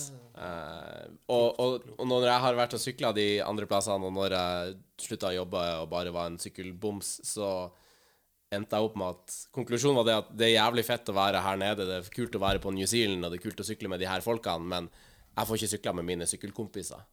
Nei. Eh, og det er det du vil. Du vil sykle med kompisene dine. sant? Ja, ja. Du vil ikke nødvendigvis, selv om at det er folk som er pro, eller om de er dritrå, så du vil jo sykle med vennene dine. Er. Ja. Eh, og de er dessverre her. De er ikke i Canada eller i New Zealand. eh, noen av dem er det, men, men eh, Ja. eh, Så da, da er det bedre å være her. Og Norge har sinnssykt fet sykling. Jeg liker den liksom, naturlige syklinga. Det, Jeg er det gjør jeg. Ja. Jeg, altså, jeg har ikke vært sykt mye i utlandet og sykla akkurat, men jeg, jeg sier litt sånn innimellom når vi begynner å snakke om å dra til utlandet, det sånn, men du er klar over at det er jævlig mye fete sykling her. Og kompisene mine som drar hit, eh, de få som har vært der som er sånn sykkelfolk, de, de er bare helt blown away med at, eh, Ja. At det går an å bare stikke ut og rett og slett sykle omtrent hvilken som helst sti du vil. Mm. Det, er, det er ikke mange steder det går. Nei. Eh, så Nei, det, det, vi er heldige her, altså. Mm. Absolutt. Absolutt. Vi har noen spørsmål fra lytterne her, vi. Nå er jeg spent. Eh, her er det en eh, Her er et spørsmål fra Sykling er dritt Ja. Eh, på Instagram. Uh, han sendte flere spørsmål, men uh, en del av de kan vi ikke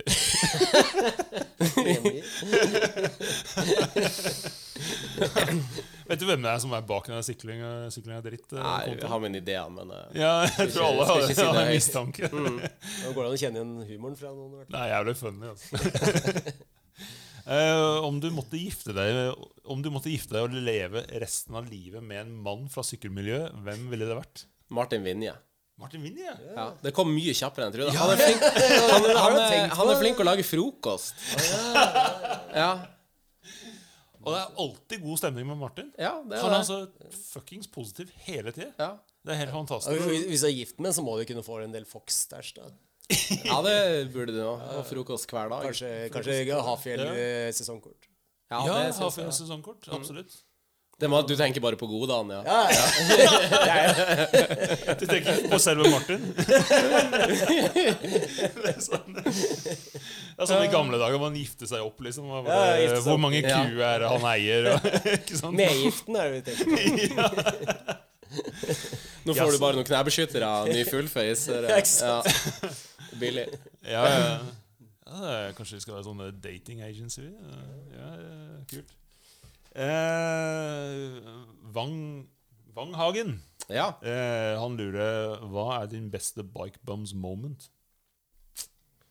Eh, min beste bike bums moment er den sommeren etter jeg slutta på spinn, når vi var eh, i eh, Når jeg, når jeg flytta til Sogndal, så kom de og besøkte meg der, og så sykla vi eh, Kongesledden og Molden på én dag. For dem som har vært der, så vet de at mine Jeg har ikke vært der, men det er ganske langt eh, oppover. og- de var, de var knust etterpå. Det- var jeg vet ikke, 1200 høydemeter i hvert fall eh, på to forskjellige veldig, Det er enda lengre nedkjøring. Uh, Molden er en av Norges råeste utforkjøringer. 1000 høydemeter fra toppen og helt ned til fjorden. Ja. Så det, det er nok mitt favorittøyeblikk med de karene der, ja. Mm. Altså, Seven Danielsen eh, han, han har hørt på podkasten, og vi snakket før om å ha en sånn slags uh, sykkellagringsbusiness der uh, folk som har kjøpt sykkel som ikke har fått det godkjent hjemme, kan uh, lagre sykkel andre steder i nærheten.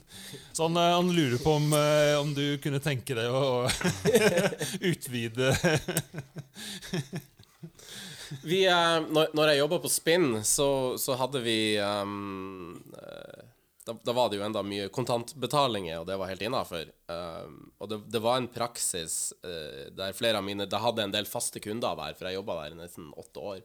Uh, der en del av mine faste kunder De delte opp kvitteringen til. Oh, ja. så sykkelen koster 5000 kroner bare.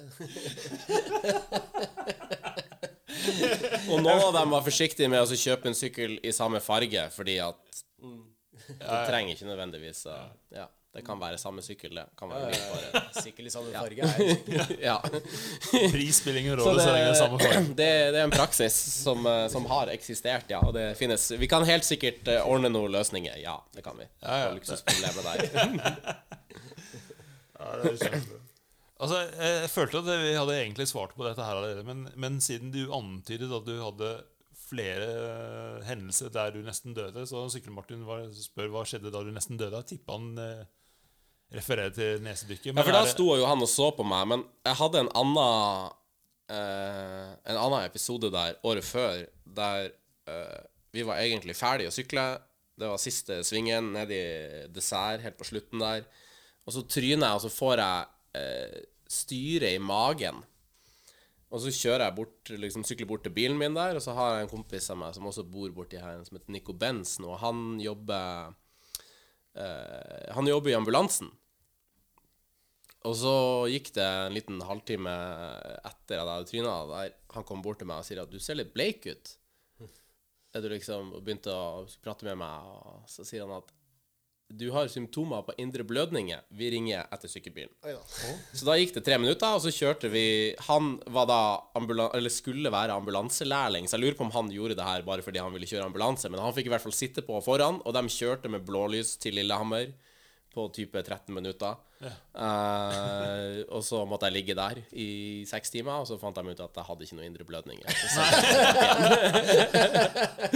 han fikk kjøre ambulanse? Nei, han fikk sitte på foran der. De kjørte som faen. Syns du har en uh, liten anelse blek, litt, litt blekere enn det ja, ja. Det er vanskelig å si. La meg se på fargesjakk. Nei, jeg, jeg, tror han egentlig bare var omtenksom, men jeg, jeg ja, ikke helt sikker. Mm. Altså, altså, Jeg også kommer fra Sykkel-Martin, for han uh, sier at jeg må spørre deg om uh, en tatovering du fikk i Utah. Ja. Hva er det for noe? det, det, er den her. Uh, det, der var jeg jo med, med Gavin og, og Lars. Den, den, er ganske bad, for det ser ut som to baller hvis jeg gjør sånn.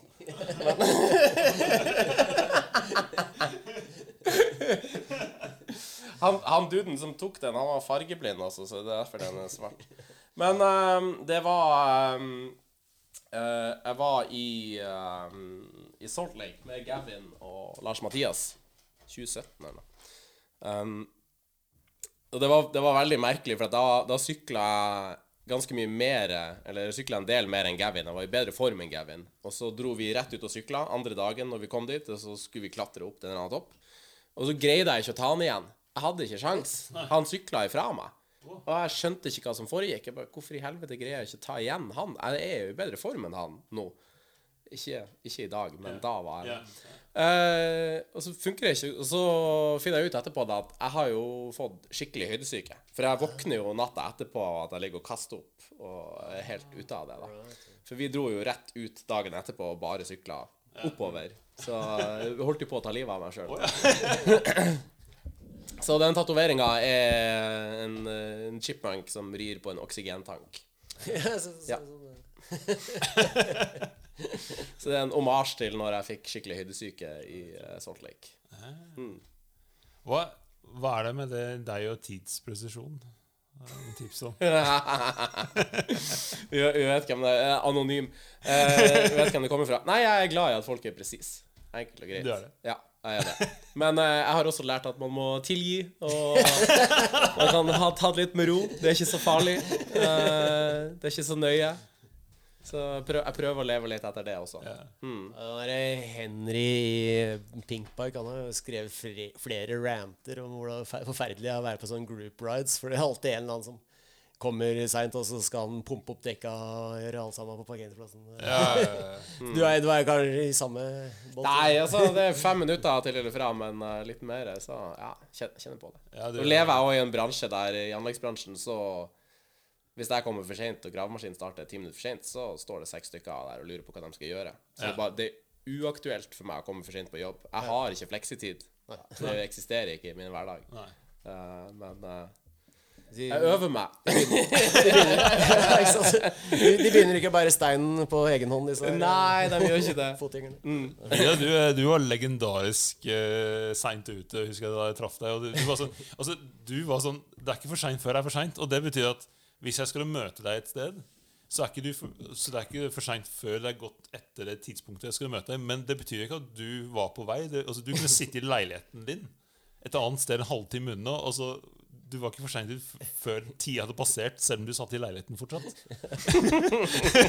Fordi, fordi jeg tenkte at du var på vei, det er alltid- da. Det er Så alltid, altså- det er alltid håp. Nå, nå er det for seint. Nå må jeg dra. Men du var blitt bedre. Men jeg merker nå sånn, når du, du kommer ikke så ofte for seint nå. Sånn, du er ganske pris, men, men når du kommer, så har, hvis du kommer for seint, så har du, du, du har veldig dårlig tid. Ja. Så, sånn, så jeg, liksom, når andre er for seint, så går jeg litt sånn Ja, ok, da slapper jeg litt. Da, ikke sant? Og så kommer du og sånn Ja, men nå skal vi sykle. Så, så du får, får det til å få sånn at jeg får dårlig samvittighet. For jeg, jeg var jo tidsnok, men når du kommer, så er det så jævlig dårlig tid. Ja, men altså Jeg har jo alltid slitt litt med å komme for seint, faktisk. Men jeg, jeg lærte meg å skynde meg. Og når jeg først har begynt å skynde meg, da, da skynder jeg meg òg, da. Så eh, jeg er jo litt sånn sånn skippertaksmenneske generelt sett, egentlig. Men når det går, går eh, begynner å dra opp farten, så Da altså, henger vi ikke rundt. Det blir, det blir litt sånn frustrasjon eh, når vi skal ut med ungene og nå et eller annet, og de ikke har fått den indre stressen som jeg har fått. Er det, er det eh, Lars Lars Hva heter han? Lars, Lars M. Stoltenberg heter han. Ja. Eh, er det lov å kalle det custom hjulbygg dersom eikene ikke er sølv? ikke i hans verden. jeg, er li, jeg er litt enig. Det er kult. Det er litt sånn old school med de sølvleikene. Det er det. Det er tøft. Og så kom jeg på, vi hopper over kanskje det viktigste spørsmålet. Eh, hvordan fikk du navnet Julian? Nei, det var vel selvpåført, holdt jeg på å si. Det var når jeg begynte Jeg begynte å bygge en del hjul når jeg jobba på spinn. Eh, den hjulbygginga har alltid vært en sånn fascinasjon. Ehm, og det er noe med å kunne plukke opp liksom En eike kan du ta i hånda di, og så kan du bøye den sånn. Og så, hvis du gir meg en time, så kan jeg bygge et hjul, og så kan du dra til Hafjell, og så kan du kjøre rollercoaster med det. Ja. Sant? Det er ganske heftig. Det er ganske sprøtt. Det er ingen andre deler på sykkelen som er sånn. Um, så det er et eller annet Det er et eller annet fett med akkurat det der. Og i hvert fall nå, nå har jeg bygd i Hvis jeg begynte på spinn og bygge liksom den type stihjul da, som jeg holdt på med mye Uh, Og nå treffer jeg liksom Eller jeg får inn sykler fra folk som er bare Oi, faen, jeg byg- bygde de hjulene her for fem år siden. Oh, yeah. Og det går fortsatt. Yeah, yeah. Mm. Og da er det artig. Ja. Kult. Hva, hva, hva er det som gjør at noen bygde hjul ikke mister si, eikespennet, eller som holder seg mye mer rette enn andre? Hva, er det som er forskjellen? Jeg tenker Man skrur eiker inn, og så måles eikespenn, og så Men det er noe magi der, for noen bygger bedre hjul enn andre. Ja, du må, du må det som heter de-stresse hjul, altså fordi at alt må sette seg. sant? Eh, Hvis du kjøper, hvis du stikker og prøver en billig hybridsykkel til 5000 kroner og sykler den ut på fortauet, så hører du pling, plong, pling, plong, plong. Og det er fordi det maskinbygde hjulet det har aldri blitt de-stressa. De har aldri eh, gjort noe med det. Så når jeg bygger hjul, så holdt på å si nesten så jeg slenger dem i veggen, og så står jeg og hopper på dem og prøver å ødelegge dem og så retter jeg dem, og så prøver jeg å ødelegge dem igjen, og så gjør jeg det til at jeg ikke greier å gjøre det hjulet skjevt. Eh, det er litt av clouet. Da er det liksom, da er den satt seg. Liksom. Ja, så, så godt som. Men det er, det er noen av de hjulene som jeg bygger, som også må, uh, må rettes på, ja. At du må, må stramme dem opp igjen. da. Så det, det skjer av og til. Men hva er eh, Hvis du skal bygge hjulsett fra scratch og, og, La oss si ikke fra øverste hylle, men hvis du skal si sånn Bra hjulsett koster litt, men ikke Du blir ikke blakk eh, du, du må ikke tape boliglån, liksom. hva, Nei, hva jeg har du en oppskrift på Deler deler tenker på? Ja. Ja, nei, jeg har nesten, jeg har nesten bare bygd de samme hjulene i lang tid, og det er Hope Nav og det til Swiss-felger, EX511.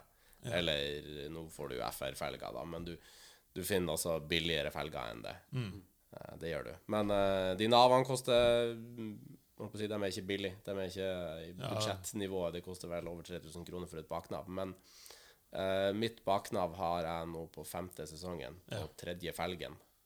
Oh, ja. uh, Så hvis du kjøper et fett nav, så kan du bytte felgen på det.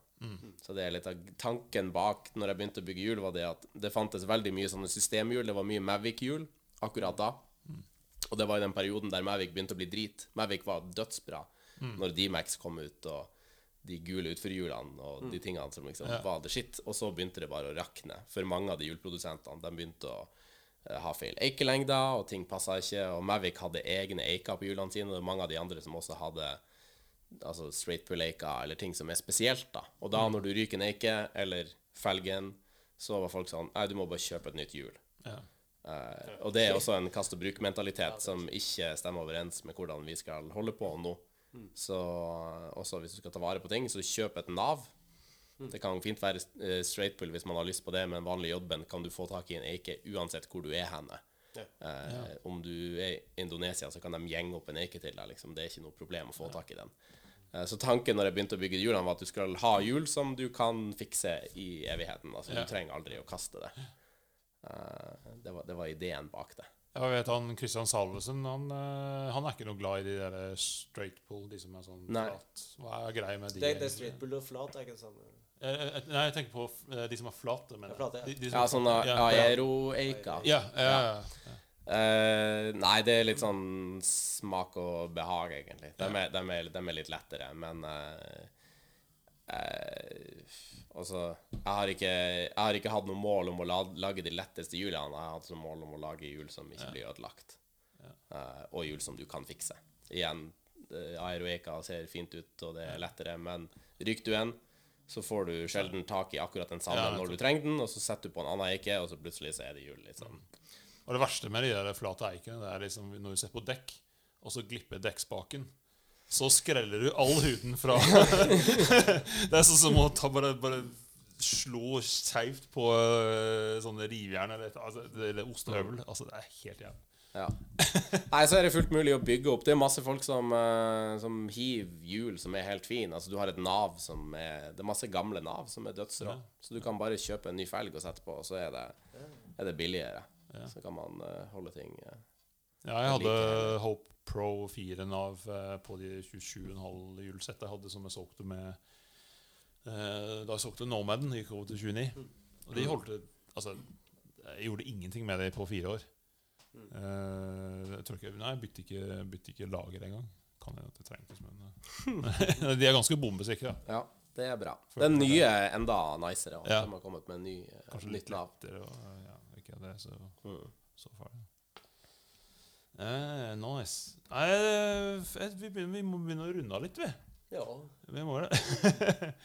Men eh, da er det slik at det er ingen som svinger innom her uten at eh, de må en tur innom skriftestolen. Da.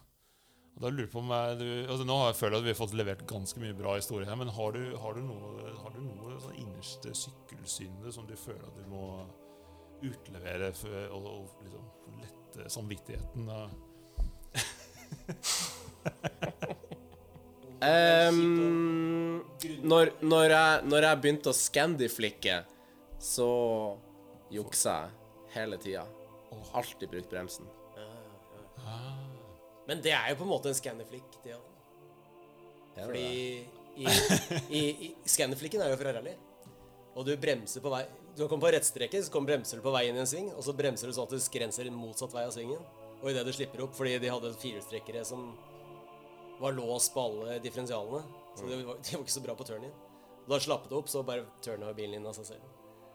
Så det var jo egentlig en Jeg føler, jeg føler det spørs litt sånn hvor mye du bremser. Jeg tror nok jeg bremsa litt for mye. Ja, men er det, er det ikke det litt sånn når man skal uh, Helt tomme. Man skal slashe en berm, for eksempel? Altså, Scannerflikken er jo Det, det er Jo, jo Ja, jeg skjønner. slasher burn. Ja, Ja, nå skal slashe Burma. Altså, for der, der vet jeg at MTB-politiet har vært på sånn folk hvis du, ja, da skal du ikke hvis, bremse. Ja, hvis du ser at du, man, man bremser. For det er jo poenget. det Skal jo, men jeg, jeg, jeg, Ja, jeg, jo. jeg, jeg er litt med på deg, eh, Jon. At, at, liksom, at på sykkel så skal man egentlig bruke bare Ja, ja, men eh, tenk, tenkte du på når du, når du At du bremser på den Du kan- første Hvis du skal svinge mot venstre, at du, først, at du bremser på den første høyre delen, eller bremse på både høyre og venstre? Nei, bremse på høyredelen, men bremse litt lenger enn det man trenger å gjøre, kanskje. Mm. Ja, det er, det er, det er jo det er klart det er, det er, det har er, det er godt det må kommes ut. Jeg Ja. Gjemt meg bak det at jeg har bygd sti, da. Så da. Fordi at du skal jo aldri låse bakhjulet, sant? Fordi da ødelegger du stien. Ja, ja, ja Jeg har vært med å bygge dem, så da Ja. har jeg følt at jeg hadde en liten sånn buffer der jeg kan. Ja. Men det er et eller annet med den bakbremsen din, for at det, det og at du driver og coaster manuals på bak, bakbremsen din, mm. det, er- det er på kanten, altså. Sier han som ikke kan manuals. Så lenge det ser fett ut og ingen eh, Ikke høre pipingen fra Ja. Ja, men eh, Ja, nei, jeg, altså, det er ikke sånn kjempealvorlig synd, her, for at det her er eh, next level eh, sykkelskills som må bare spisses inn litt mer. Da. Og eh, så Jeg hørte en podkast med Andres Kolb eh, i dag, faktisk. Eh, og Der prater han litt om eh, sånn offseason-trening og sånn. Og Da trener de veldig mye med at han sa at han kan dra ut eh, med treneren sin, og så, og så sykler han en sti en hel dag kun med forbrems. Bare for å terpe inn eh, forbrems, altså feeling Ja. på forbrems. Så jeg, jeg tenker at uh, her, her er det rett og slett uh, en dag på Romsås med kun forbrems som er, uh, er straffen. og Ave Marie, Vidar, det blir jo noen av de. Nei, tolv, så da Maria, tror jeg. Tolv Ave Marie. Ja, ja, ja. Det går bra. Det går bra. Eh, kan, kan reduseres mot eh, god service på Årvoll eh, sykkelverkstedet. Ja. Ja. En liten siste ting, òg. Årvoll sykkelverksted blir åpent fulltid hele april. Nei, blir det? Ja, det, her, her, her er det en mulighet til å plugge Årvoll sykkelverksted så, så godt du kan. Ja. Ja. Nei, jeg skal, jeg skal bytte jobb, og i den anledning så har jeg tatt meg litt ekstra fri akkurat i sesongstarten. Så fra og med rett etter påske, eller kanskje til påska, Ja. Og så ut hele april i hvert fall, og litt av mai, så blir det åpent i hvert fall fire-fem dager i uka. Kult. Det er, det er jo god timing, for syklene til folk ramler jo typisk sammen akkurat ved i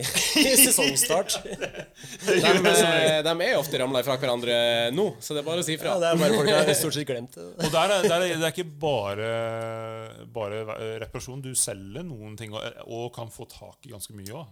Sånn. Jeg kan skaffe ganske mye, det kan jeg. Jeg har ikke et kjempevarelager, men jeg har mye liksom, maskinlager og sånne ting som er ja, Ja. Litt sånne forbruksvarer. Så litt av tanken bak, bortsett fra å fikse mine egne sykler der på Årvoll sykkelverksted, var at jeg skal kunne hjelpe folk sånn at de skal kunne fortsette å sykle. Målet mitt er ikke å nødvendigvis holde på med de sinnssykt svære servicene på deres fulldempa sykler som tar en hel dag, men jeg vil heller eh, være han fyren som du kan ringe når bakgiret ditt er gått på søndag fordi at jeg har et bakgir. Ja, ja, ja. Eller at du trenger girvaier, eller at du trenger å lufte bremsa di, liksom. Så, så kan jeg eh, holde det ved like. Og jeg har også en forkjærlighet for folk som eh, bruker sykkel som et fremkomstmiddel. Så på Årvoll er det masse av de folkene, ja. menn i midtlivskrisa med elsykler, med kidsene bakpå og sånt, og jeg har et hjerte for at de skal få holdt de syklene sine ved like, ja. Det er dødsviktig. Minst like viktig som oss som uh, er i skogen. ja. Så bra. Og helst minst mulig montering av kurscore uh, på dekk? Eller? Elsker det.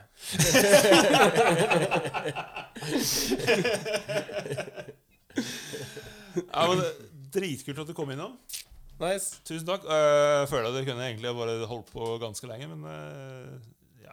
Vi, kanskje du får komme innom en annen gang? Vi får ta en på verkstedet når det er varmt. Det kan vi gjøre. Ikke mens du driver med kurskår ja, tusen takk for at du kom innom. Tusen takk. Tusen takk for at uh, dere lytter til. Eh, og så ja, sjekk ut eh, Julion på Instagram. Også Årvoll sykkelverksted på Instagram. Ja. Eh, hvis ikke, så ja, Jeg vet ikke når vi er tilbake videre. Nei, vi må jo prøve å Prøve å Kanskje vi skal prøve å holde oss til sånn annenhver uke eller Vi, sånt? vi vil prøver å holde oss til annenhver uke. Ja. Det er jo ikke alltid så lett om vinteren, men jo, nei, det klarer vi. Ja, vi prøver. Takk for at du lyttet til, og så ses vi i skauen.